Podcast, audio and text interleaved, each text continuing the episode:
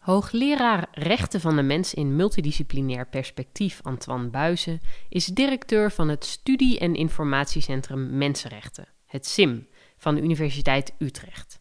Ook is hij hoofdredacteur van The Netherlands Quarterly of Human Rights en beheert hij een weblog getiteld ECHR-blog over het Europees Verdrag voor de Rechten van de Mens. Antoine doet onderzoek naar Europese mensenrechten en in het bijzonder de positie van civil society. In dit gesprek hebben we het over shrinking civic space, ofwel hoe de publieke ruimte kleiner aan het worden is. Hoe wordt deze ruimte beschermd door mensenrechten en omgekeerd, hoe dragen civil society en civic space op hun beurt bij aan het functioneren van mensenrechteninstanties? Waar zijn de uitdagingen het grootst en wat is de rol van corona geweest? Hoewel de voorbeelden die we bespreken soms ver weg lijken, spelen beperkingen van de publieke ruimte wel degelijk ook een rol in Nederland. Dit is Ons Goed Recht, de Nederlandse podcast over grondrechten. Ik ben Ingrid Leijten, universitair hoofddocent staatsrecht in Leiden. En je luistert naar het tweede seizoen van mijn podcast, waarin ik wederom op zoek ga naar de rol en betekenis van onze meest fundamentele rechten. Samen met experts uit de wetenschap en praktijk probeer ik vragen te beantwoorden als hoe werken grondrechten en hoe vertalen we ze van papier naar de werkelijkheid.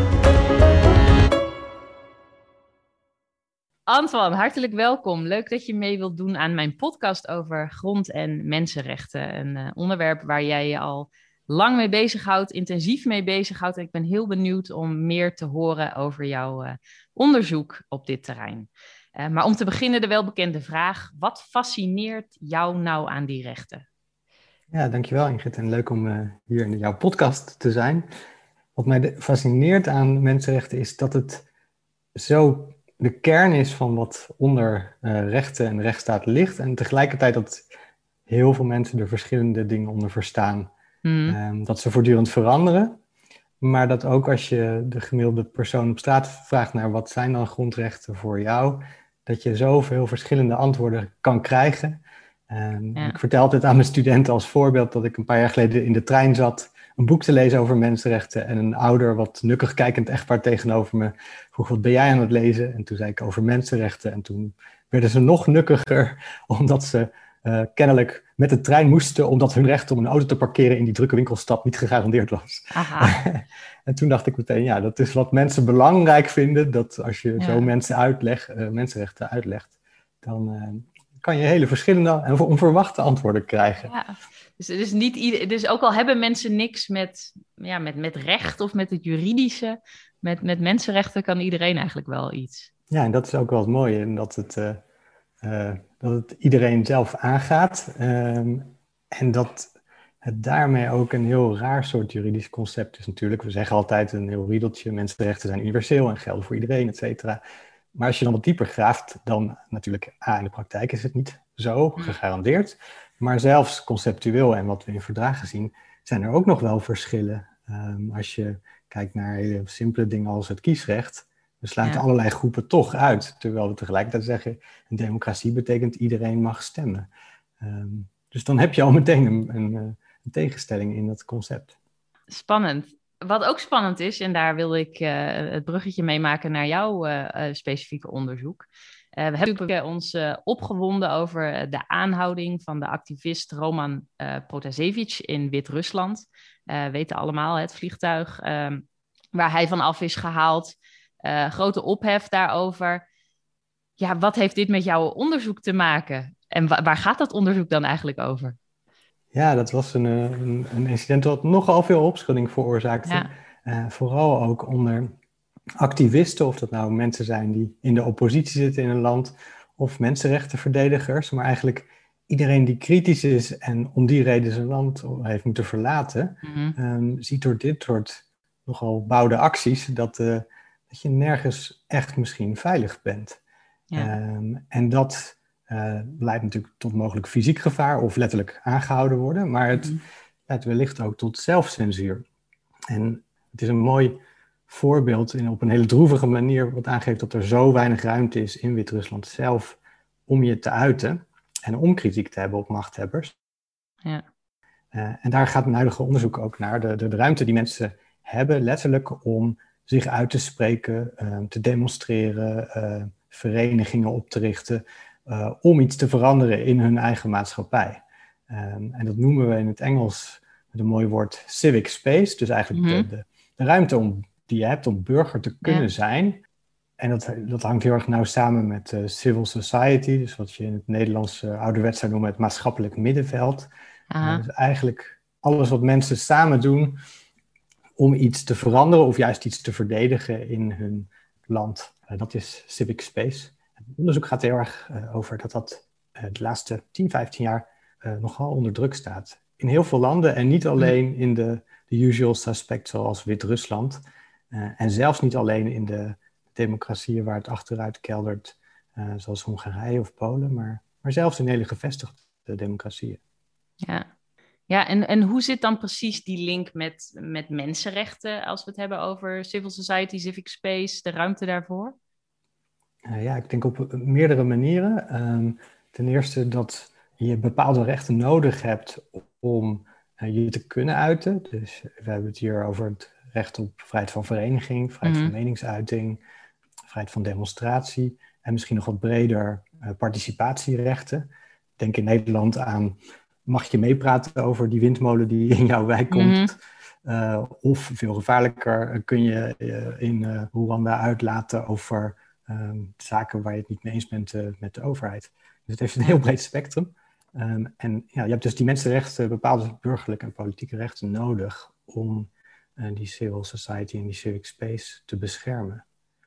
En tegelijkertijd, en dat is dus het lastige erin, mm. degene die opkomen voor die hele concrete rechten, die noemen we vaak mensenrechtenactivisten, die komen heel snel in het vizier van overheden of soms van andere machtige groepen om aangepakt te worden, um, geïntimideerd of soms nog erger.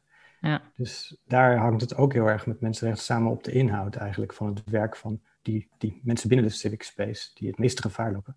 Ja, ik denk het is ook wel weer een, een mooi voorbeeld van waarom we behoefte hebben aan uh, mensenrechtenbescherming ook op internationaal niveau. Hè? Want vaak zul je natuurlijk juist zien dat op statelijk niveau uh, ja, echt de, schendingen de, plaatsvinden, de ruimte beperkt wordt, uh, de censuur indirect ontstaat.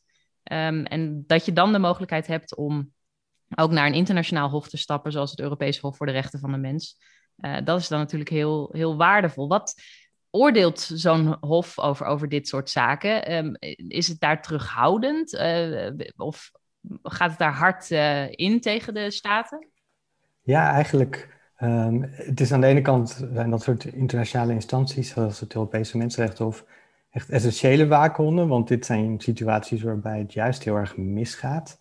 Uh, en je zou kunnen zeggen, dit is de bescherming van hun meest trouwe fans, de mensenrechtenactivisten. Mm. Um, en er zijn al in de hele geschiedenis van alle mensenrechteninstanties internationaal uh, heel veel klachten geweest over dit soort dingen. Het zijn vaak de, de activisten die de weg naar zulke fora vinden. Um, en dus zijn het vaak de kritische journalisten of de uh, de mensenrechtenverdedigers of de anticorruptieactivisten, um, die het aan de stok krijgen met overheden en gearresteerd worden zonder goede grond of hoge boetes krijgen als ze iets uh, in de mhm. krant publiceren of online. En daar, daar hebben we dus wel heel veel zaken over. Uh, maar dat zijn allemaal, ja, je kun je zeggen, incidentele losse uitspraken. Mm en het heeft heel lang geduurd voordat dat meer structureel op de agenda kwam.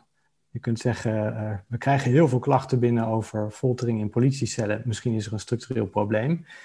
Ook dan zal het Europese Mensenrechtenhof dat niet zo snel zeggen.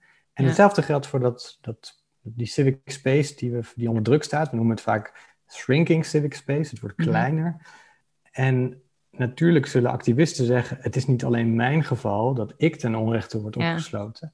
Maar er zijn heel veel mensen in deze situatie in dit land, omdat het een autoritair bewind is, omdat dit structureel gebeurt. En daar willen de mensenrechtenorganen niet zo snel aan.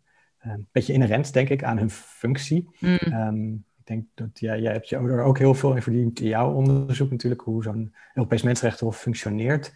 En um, ja, als je structurele maatschappelijke problemen, ongelijkheden, zoals sociaal-economische, wat jij heel erg bestudeerd hebt, aan wil pakken, dan is het heel lastig om dat te doen via een individueel geval. Moet je dan met 2000 mensen tegelijk gaan klagen of moet je dan zeggen, in mijn geval is het zo vergelijkbaar met zoveel anderen.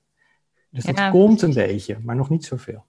Ja, ja dat is het, inderdaad ook wel een inherente beperking natuurlijk van een, een mensenrechten lens, zeker van mensenrechten rechtspraak, hè, die toch vaak ziet op het individuele geval.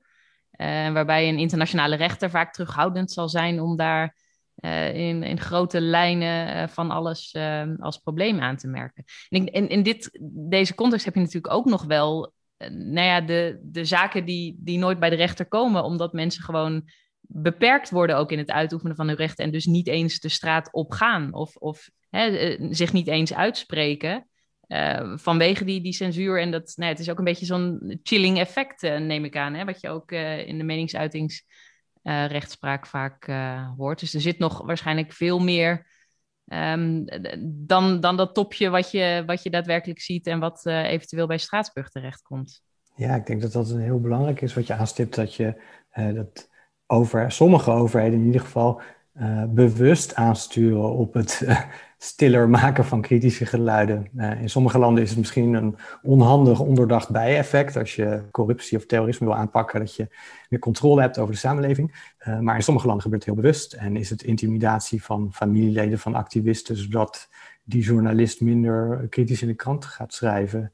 En dat is inderdaad het chilling effect wat in de jurisprudentie van het Straatsburgse Hof heel ver is ontwikkeld. Um, Want je moet voorkomen dat mensen zelf censuur gaan plegen omdat het simpelweg te gevaarlijk is uh, om iets te zeggen.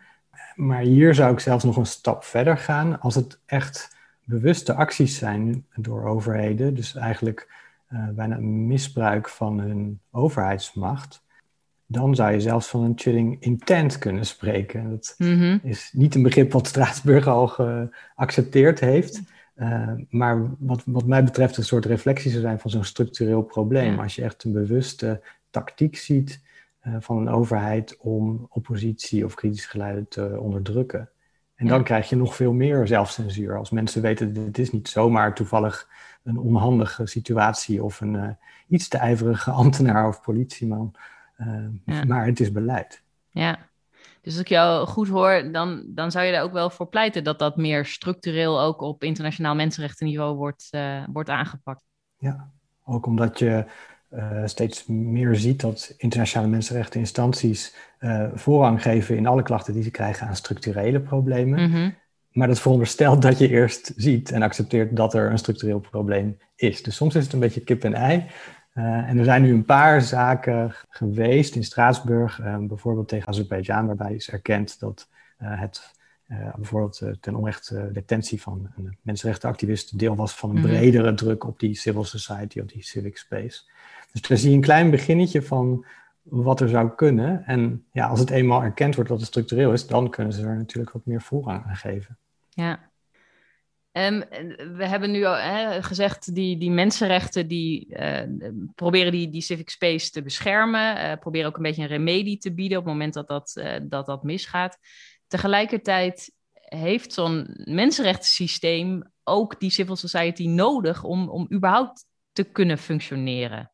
Hoe zit dat? Ja, het is heel opvallend dat als je naar de geschiedenis gaat kijken van het Inter-Amerikaanse Mensenrechtenhof, maar ook in Europa, het Straatsburgse Hof en, uh, en de VN-mensenrechtencomité's, dat ontzettend veel van hun uh, bekendheid is gekomen door maatschappelijke organisaties, door actieve mm. burgers, door actieve advocaten. Allemaal is dat civil society. Zij hebben de eerste zaken aangedragen. Uh, soms zijn ze zelf slachtoffer. Ja. Soms hebben ze mensen um, ja, bewuster gemaakt van de mogelijkheden om internationaal te klagen.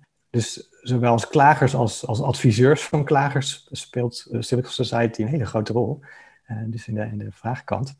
Maar ook in de informatietoeleveranciersfunctie zou je kunnen zeggen, omdat uh, nou, bijvoorbeeld bij het Europees Mensenrechtenhof is er mogelijkheid van third-party interventions, dus een soort vrienden van het hofconstructie, waarbij externe in een zaak kunnen interveneren en of ja. in ieder geval toestemming kunnen vragen.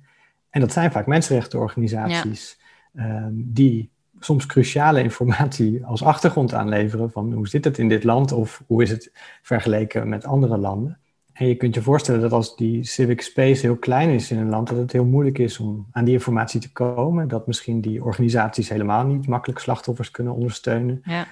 En daarmee wordt de toegang tot die uh, internationale mensenrechtenwaakhonden ook feitelijk beperkt voor mensen zelf, voor klagers, maar ook de informatiestroom. En helemaal aan het eind van de, van de rit van het proces zou je kunnen zeggen, als er een uitspraak is, dan is ook weer niet alleen de staat mhm. nodig, maar ook allerlei druk binnenlands. Nou ja, dat weten we ook hier in Nederland. Uh, er verandert iets als het ook nog eens in de media komt of als organisaties het op de kaart zetten. En als dat allemaal niet makkelijk is of niet zo goed mogelijk, dan is het veel grotere kans dat er uh, minder gebeurt met zo'n internationale mensenrechtenuitspraak. Dus ook voor de effectiviteit, waar we het vaak over hebben bij dat soort instanties, is het best wel cruciaal. Ja, dus zowel aan de kant van de, de input, de, de informatie en überhaupt dat mensen die zaak aanbrengen en daar helemaal uh, ook naar Straatsburg brengen. En in wat er na de uitspraak uh, gebeurt. Hè? Want dat, daar hebben we natuurlijk talloze voorbeelden van, van waar dat dan ja, toch niet of, of niet direct ook effect sorteert doet mij uh, denken aan een, uh, een boek wat ik uh, een tijdje terug las. Maar dat ging dan over geweld tegen vrouwen uiteindelijk. En er werd een vergelijking gemaakt tussen Turkije en Rusland. En daar bleek inderdaad civil society en ook de, de organisaties die zich daarmee bezighouden... eigenlijk cruciaal voor nou ja, of zaken bij Straatsburg komen... of daar ook wat mee wordt gedaan... en of je daadwerkelijk een impact ziet van mensenrechten op dat soort vraagstukken. Hè? Dus we hebben het nu ook al lang niet meer over alleen maar de vrijheid van meningsuiting of demonstratie, maar dat, dat zit dus op het hele uh, spectrum van, van mensenrechten waar dat uh, een, een rol speelt. Ja, dat klopt. Dus die, die paar centrale rechten die ik in het begin noemde, die zijn ook een ja. vliegwiel voor, al die, voor de bescherming van al die andere rechten. En dat zie je hier heel concreet in, ja. uh, in het voorbeeld wat je noemt. Dat waait eruit. En wat ik ook las, en ik ben benieuwd of jij daarover denkt, er is onderzoek gedaan door Mila Verstegen en Adam Chilton naar uh, Why Constitutional Rights Matter. En zij willen dus gaan bekijken of het nou echt wat uitmaakt als je bepaalde rechten in je grondwet uh, hebt staan. En een van hun conclusies is dat de rechten die beter georganiseerd zijn, effectiever zijn. En daarbij is dus inderdaad ook een belangrijke rol weggelegd voor dat, dat civil society, voor het feit dat je organisaties hebt die zich voor bepaalde rechten inzetten, uh, ten opzichte van rechten waar dat ja, misschien veel minder het, uh, het geval is. Volgens mij waren sommige sociale rechten juist minder georganiseerd. Het recht op gezondheid bijvoorbeeld. Terwijl um, ja, je andere rechten hebt waar de, de civil society sterk is en je dus meer effect ziet. Ja, ik kan me dat heel goed voorstellen. Ook omdat je dat zelfs bij de, de creatie van normen ziet. Want hoe komt nou een recht in een grondwet? Uh, dat ja. is vaak door een bepaalde sociale beweging die uh, het vrouwenkiesrecht bijvoorbeeld bevorderde of uh, rechten voor mensen met een beperking.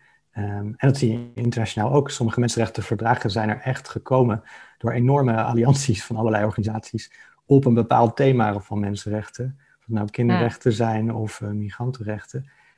En dan zie je beweging, want dan, je, hebt, je hebt dus letterlijk die organisatie nodig, ja. uh, die samenwerking, die, die eigenlijk de kern is van wat civil society inhoudt, maar ook internationaal, uh, ja. om iets te veranderen. Ja. Het roept haast de vraag op welke rechten we dan, dan missen, omdat ze ja. misschien niet zo georganiseerd zijn dat ze boven komen drijven. Maar ja, ja, dat is wel heel, uh, heel, heel, heel actueel natuurlijk. Als je die, de, de, de laatste paar gezaghebbende uitspraken die we bij nationale rechten zien Absoluut, over ja. milieuvervuiling ja. en de rechten van toekomstige generaties. Die toekomstige generaties zijn natuurlijk niet georganiseerd. Ja, dat is de aard der zaak. Maar misschien hebben ze wel alvast stemmen nu. Die het daarover hebben. Dus misschien ik, ik, doel, ik doelde niet eens op dat voorbeeld, maar je hebt helemaal gelijk. Dat, dat is, speelt natuurlijk juist ook bij de, de rechten van het, van het milieu en van een gezonde leefwereld, waarbij uh, we juist nu die ontwikkeling ingaan. En, en dat zich daar ook uh, mensen voor de rechter voor in gaan zetten. Uh, en dat we wellicht ook daar natuurlijk zelfstandige rechten krijgen op, op dat terrein, los van die die er ja. ook al zijn. Als ik nou denk aan civil society en civic space. En uh, dan denk wat we het afgelopen jaar hebben meegemaakt, dan uh, kan ik me ook wel voorstellen dat dat, dat ook tot een beperking heeft geleid. van die, die civil society, van die civic space. Dat zal waarschijnlijk in Nederland het geval zijn, waarschijnlijk elders nog meer of nog op een gevaarlijkere manier. Hoe zie jij die link met, met de coronacrisis en de maatregelen? Ja, ik denk dat de, de, de hele pandemie ontzettend tastbaar heeft gemaakt voor mensen wat een heel abstract begrip als civic space eigenlijk is. Letterlijk de ruimte die we allemaal hadden.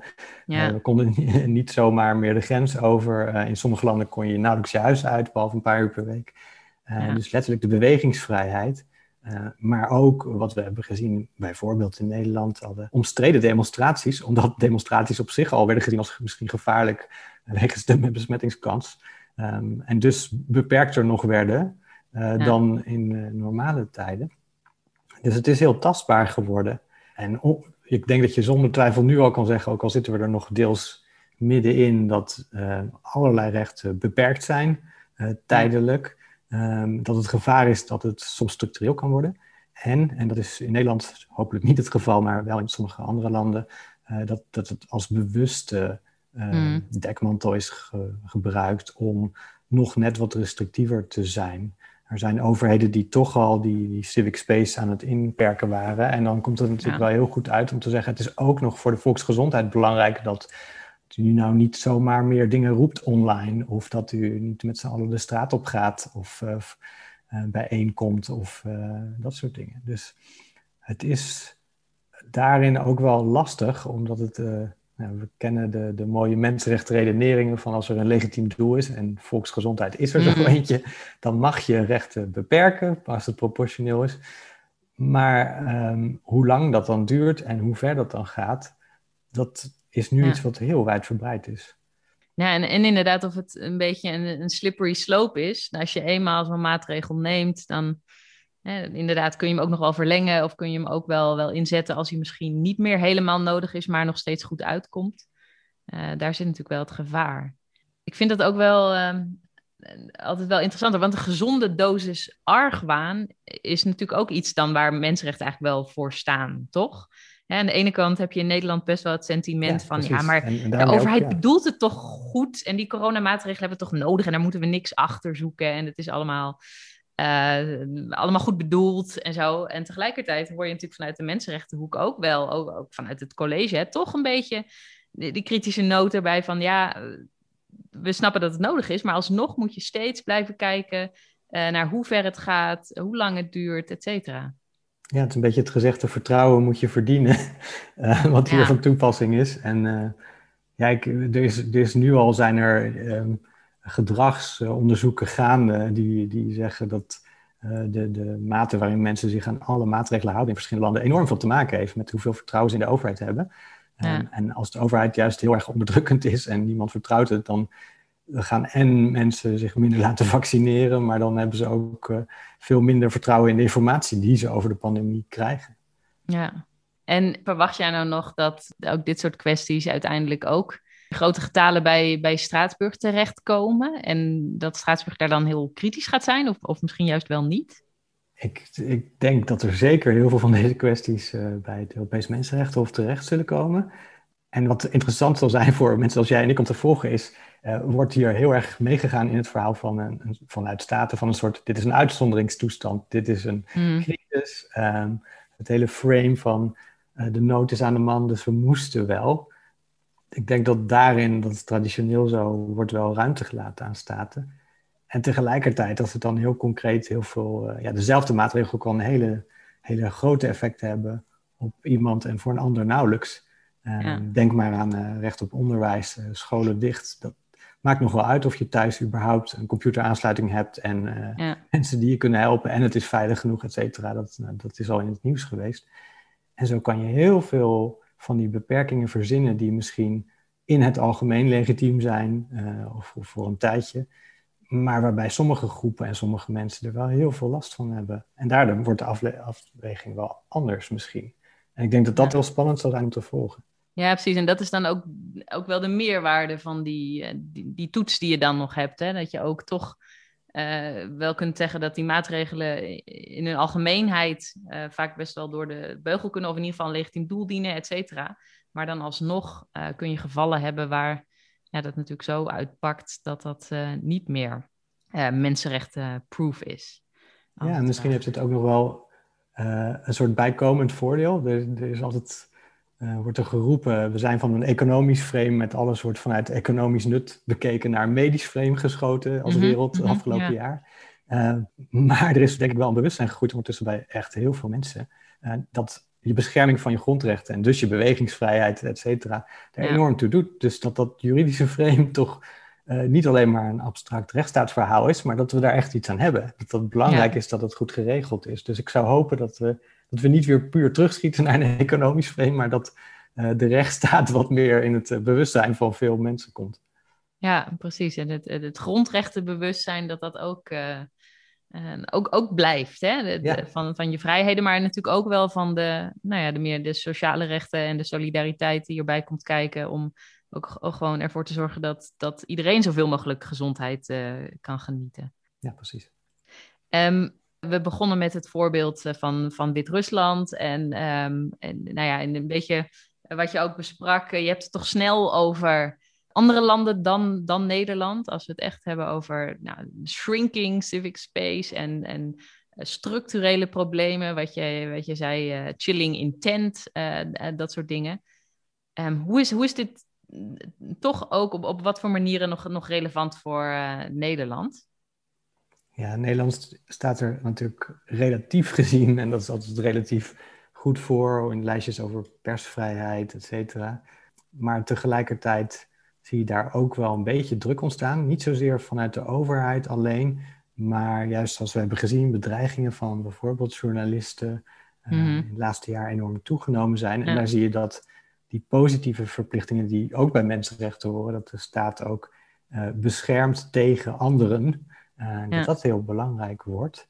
En waar een ander effect binnen Nederland ziet, is het, het leereffect uh, negatief uh, vanuit die trend van dat, dat kleiner wordende, die kleiner wordende civic space. Is dat landen heel erg beperkende maatregelen van elkaar afkijken, zou je kunnen zeggen. Mm -hmm. dus veel landen voeren bijvoorbeeld allemaal beperkingen in op het functioneren van maatschappelijke organisaties. Dus jij wil een nieuwe milieuclub oprichten, um, ja. maar je moet aan allerlei bureaucratische ja, hordes moet je overspringen om, voordat je kan beginnen. Of um, zoals in Hongarije, iedereen die jouw geld doneert voor die organisatie, die moet met naam en toename ergens op een openbaar register. Nou, je kan je voorstellen, mm dat is niet altijd even prettig. Ja. En uh, Nederland heeft nu in overweging een nieuwe wet op, die gaat heten Transparantie van Maatschappelijke Organisaties. En toen dat idee geïntroduceerd werd en voor het eerst toegelicht vanuit de overheid, werd gezegd, onder andere Um, dit is in orde, want transparantie is belangrijk. Nou, dat zal mm. iedereen onderschrijven. Maar ook, het gaat niet zo ver als het in Hongarije gaat. En dat was deel van de toelichting, van de juridische toelichting, um, die mij nogal zorgen baart als dat de rechtvaardiging gaat worden. Dus daar zie je wel effecten van, uh, als er beperkingen in andere landen optreden, dan wordt ook daar weer de vergelijking gemaakt, maar het, het, valt hier wel mee. We gaan hier wel, ja, ja. iets veranderen. Het wordt wel iets lastiger voor u, maar kijk, maar dat is natuurlijk niet zo erg als in. Um, nou, dat zijn wel twijfelachtige redeneringen. Dus dat is intern uh, het effect vanuit, het, vanuit die andere beperkingen in andere landen.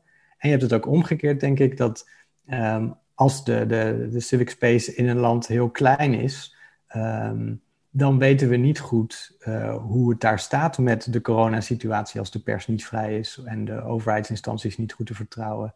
Uh, mm-hmm. Dan is het voor bedrijven minder veilig om te, om te investeren, want het is instabieler. Ja. En dat vond ik misschien nog wel een van de opvallendste dingen die ik in mijn onderzoek tegenkwam. Dat een paar jaar geleden het Davos World Economic Forum, um, die niet meteen van uh, mensenrechtenactivisme zou verdenken, uh, zeiden dat een van de grootste problemen in de wereld dat, dat klein, die kleiner wordende civic space was. Ja. Omdat het investeringen in gevaar brengt en instabiliteit ja, ja, riskeert. En toen dacht ik, als, als zelfs de, de grote powers dat be dat identificeren als probleem, dan begint het echt op de agenda te komen.